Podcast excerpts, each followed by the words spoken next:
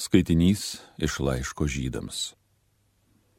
Tikėjimas laiduoja mums tai, ko vilėmis įrodo tikrovę, kurios nematome. Per jį protėviai gavo gerą liudyjimą. Tikėdamas Abraomas paklausė šaukimo keliauti į šalį, kurią turėjo paveldėti, ir išvyko nežinodamas, kur einas. Tikėdamas jis apsigyveno pažadėtoje žemėje tarytum svetimoje, įsikūręs palapinėse su Izaoko ir Jokūbu, to paties pažado paveldėtojais. Matys laukė miesto su tvirtais pamatais, kurios statytojas ir kūrėjas būtų Dievas. Tikėdama ir pati Sara, nevaisinga ir nebe to amžiaus, gavo galę susilaukti palikonio, nes pasitikėjo tuo, kuris buvo davęs pažadą. Ir todėl iš vieno vyro ir dar apmirusio gimė palikonys, gausūs tartum dangaus žvaigždės ir nesuskaitomi kaip jūros pakrantės smiltys. Jie visi mirė tvirtai tikėdami, dar negavę pažadėtųjų dalykų, tik iš tolo juos regėdami, sveikindami ir išpažindami, jog jie žemėje svečiai ir ateiviai.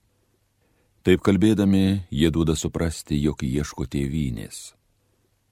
Jeigu jie būtų minėję aną, iš kurios iškeliavo, jie būtų turėję laiko sugrįžti atgal. Bet dabar jie troško geresnės tėvynės, tai yra dangiškosios. Todėl nėra Dievui negarbės vadintis jų Dievu, jis prirengė jiems miestą. Tikėdamas Abraomas atnašavo Izaoką, kai buvo mėginamas. Jis ryžosi paukoti net viengimį sūnų, jis, kuris buvo gavęs pažadus, kuriam buvo pasakyta. Tau bus duoti palikonys iš Izaoko. Jis suprato, kad Dievui įmanoma prikelti net mirusius. Ir todėl atgavo sūnų kaip įvaizdį. Tai Dievo žodis.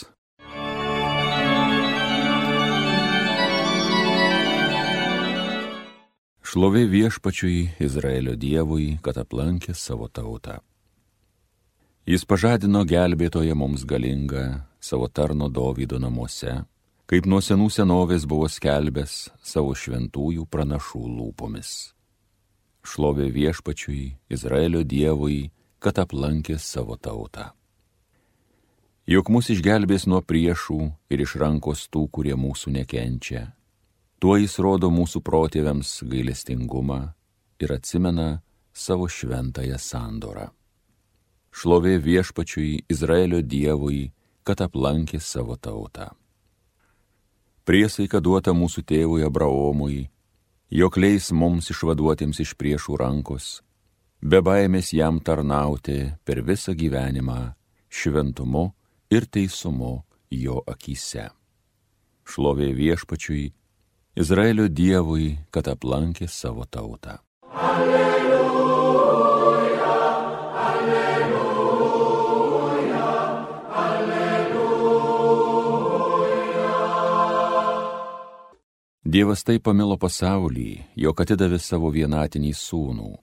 Kiekvienas, kuris jį tiki, turi amžiną jį gyvenimą.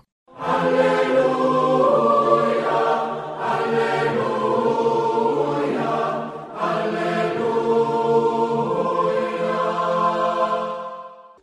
Iš Evangelijos pagal Morku. Ta pačia diena atėjus vakarui, Jėzus tarė mokiniams. Irkite sieną pusę. Atleidę žmonės, jie taip jį ir pasėmė, kaip jis valtyje sėdėjo. Draugė plaukė kelios kitos valtis.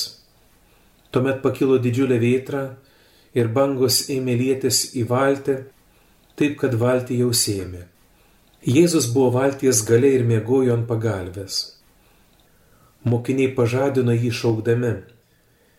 Viešpatie tau nerūpi, kad mes žuvame. Atbūdęs jis sudraudė vietrą ir įsakė ežerai, nutilk, nusiramink. Toj pat vėjas nutilo ir pasidarė visiškai ramu. O Jėzus tarė, kodėl jūs tokie bailūs? Argi jums tebestinga tikėjimu? Juos pagavo didi baimė ir jie kalbėjo vienas kitam.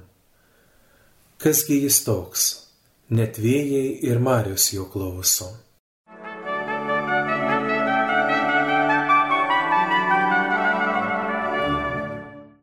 Paprastai audros Genezareto ežere nei keliautojams, nei aplinkiniams gyventojams nebuvo naujiena. Karts nuo karto ramutėlis ežeras, kurį dėl savo didumo aplinkiniai buvo netgi pavadinę jūrą, įsibuotas vėjo virsdavo audringu.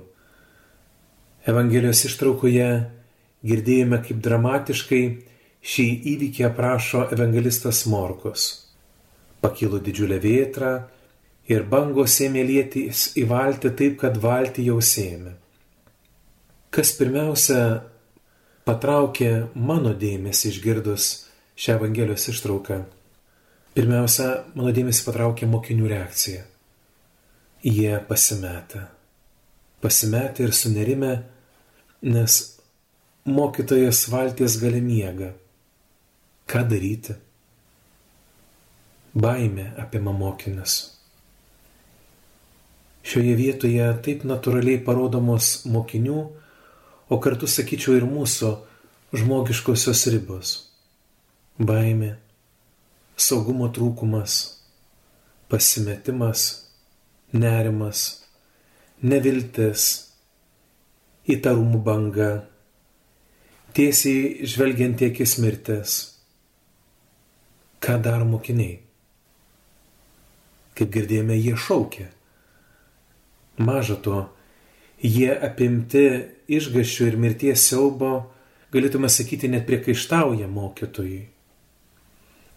Šioje vietoje staktodamas galvoju, o juk ar nepanašiai vyksta ir mūsų gyvenime. Kiekvieno mūsų gyvenimas yra panašus tartum į ežerą. Vieniems jisai atrodo didelis ir platus, pilnas įvairinybio, o kitiems siaurutis, nuobodus ir bespalvis. Labai dažnai ir mus netikėtai ištinka vienokie arba kitokie vėjai, audros ir jie visi blaško mūsų gyvenimo valtis ar net pasistatytus kruizinius laivus ar plaukiančias pilės.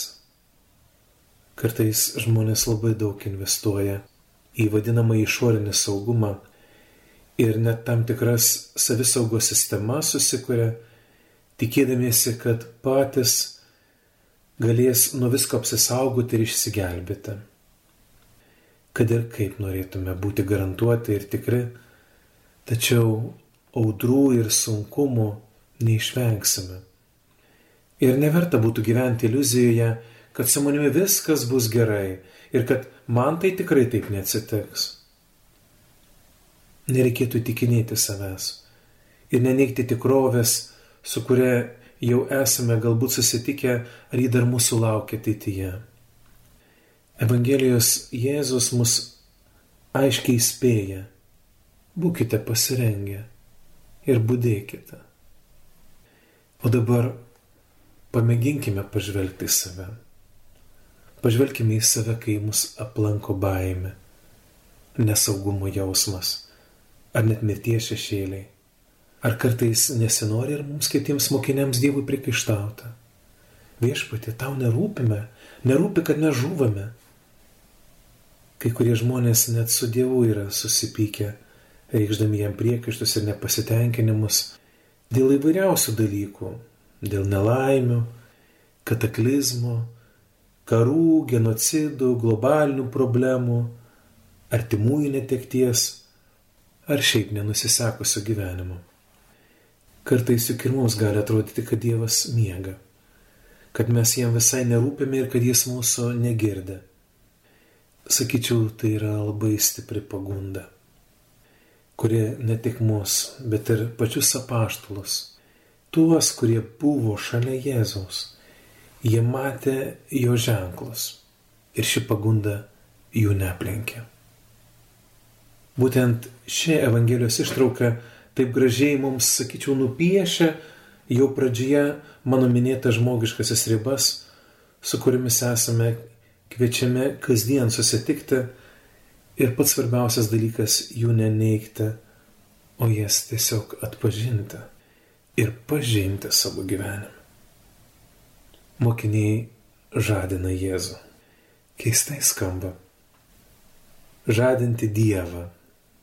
Kūrinys bando įkvėpti, bando paaiškinti kuriejui. Skamba juokingai, bet manau, kad mano ir tavo broli sesė gyvenime tokių ir panašių juokingų situacijų su viešpačiu taip pat yra pasitaikę.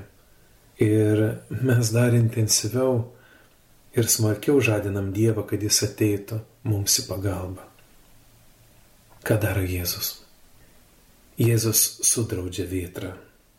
Vėjas nutyla ir tampa visiškai ramu. Kaip būtų gera, kad mes savo dvasios gelmėje įsiklausytume su kokiu tonu Jėzus prabyla į savo mokinius, o taip pat ir mus. Taigi Jėzus sako, kodėl jūs tokie bailus? Argi jums dar tebestinga tikėjimo? Ką mes šiuose žodžiuose girdime? Pamėginkime išgirsti nepriekaištingą klausimą iš Jėzaus lūpų, bet išgirskime kvietimą ir raginimą nepasislėpti savo baimėse ir nerimuose, bet žiūrėti į jį ir tikėti juo. Taip dažnai žmogus, net matydamas ir liesdamas, netiki. Baimė, pasimetimas ir įvairios nevilties apraiškos uždaro žmonės į save pačius.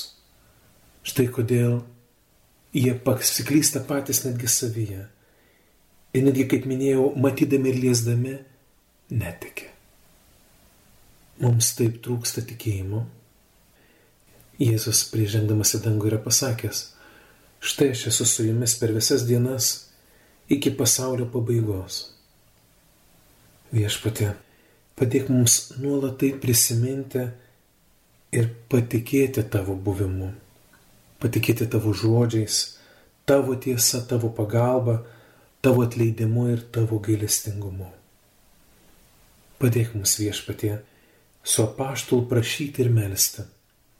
Viešpatie, sustiprinkė mano tikėjimą.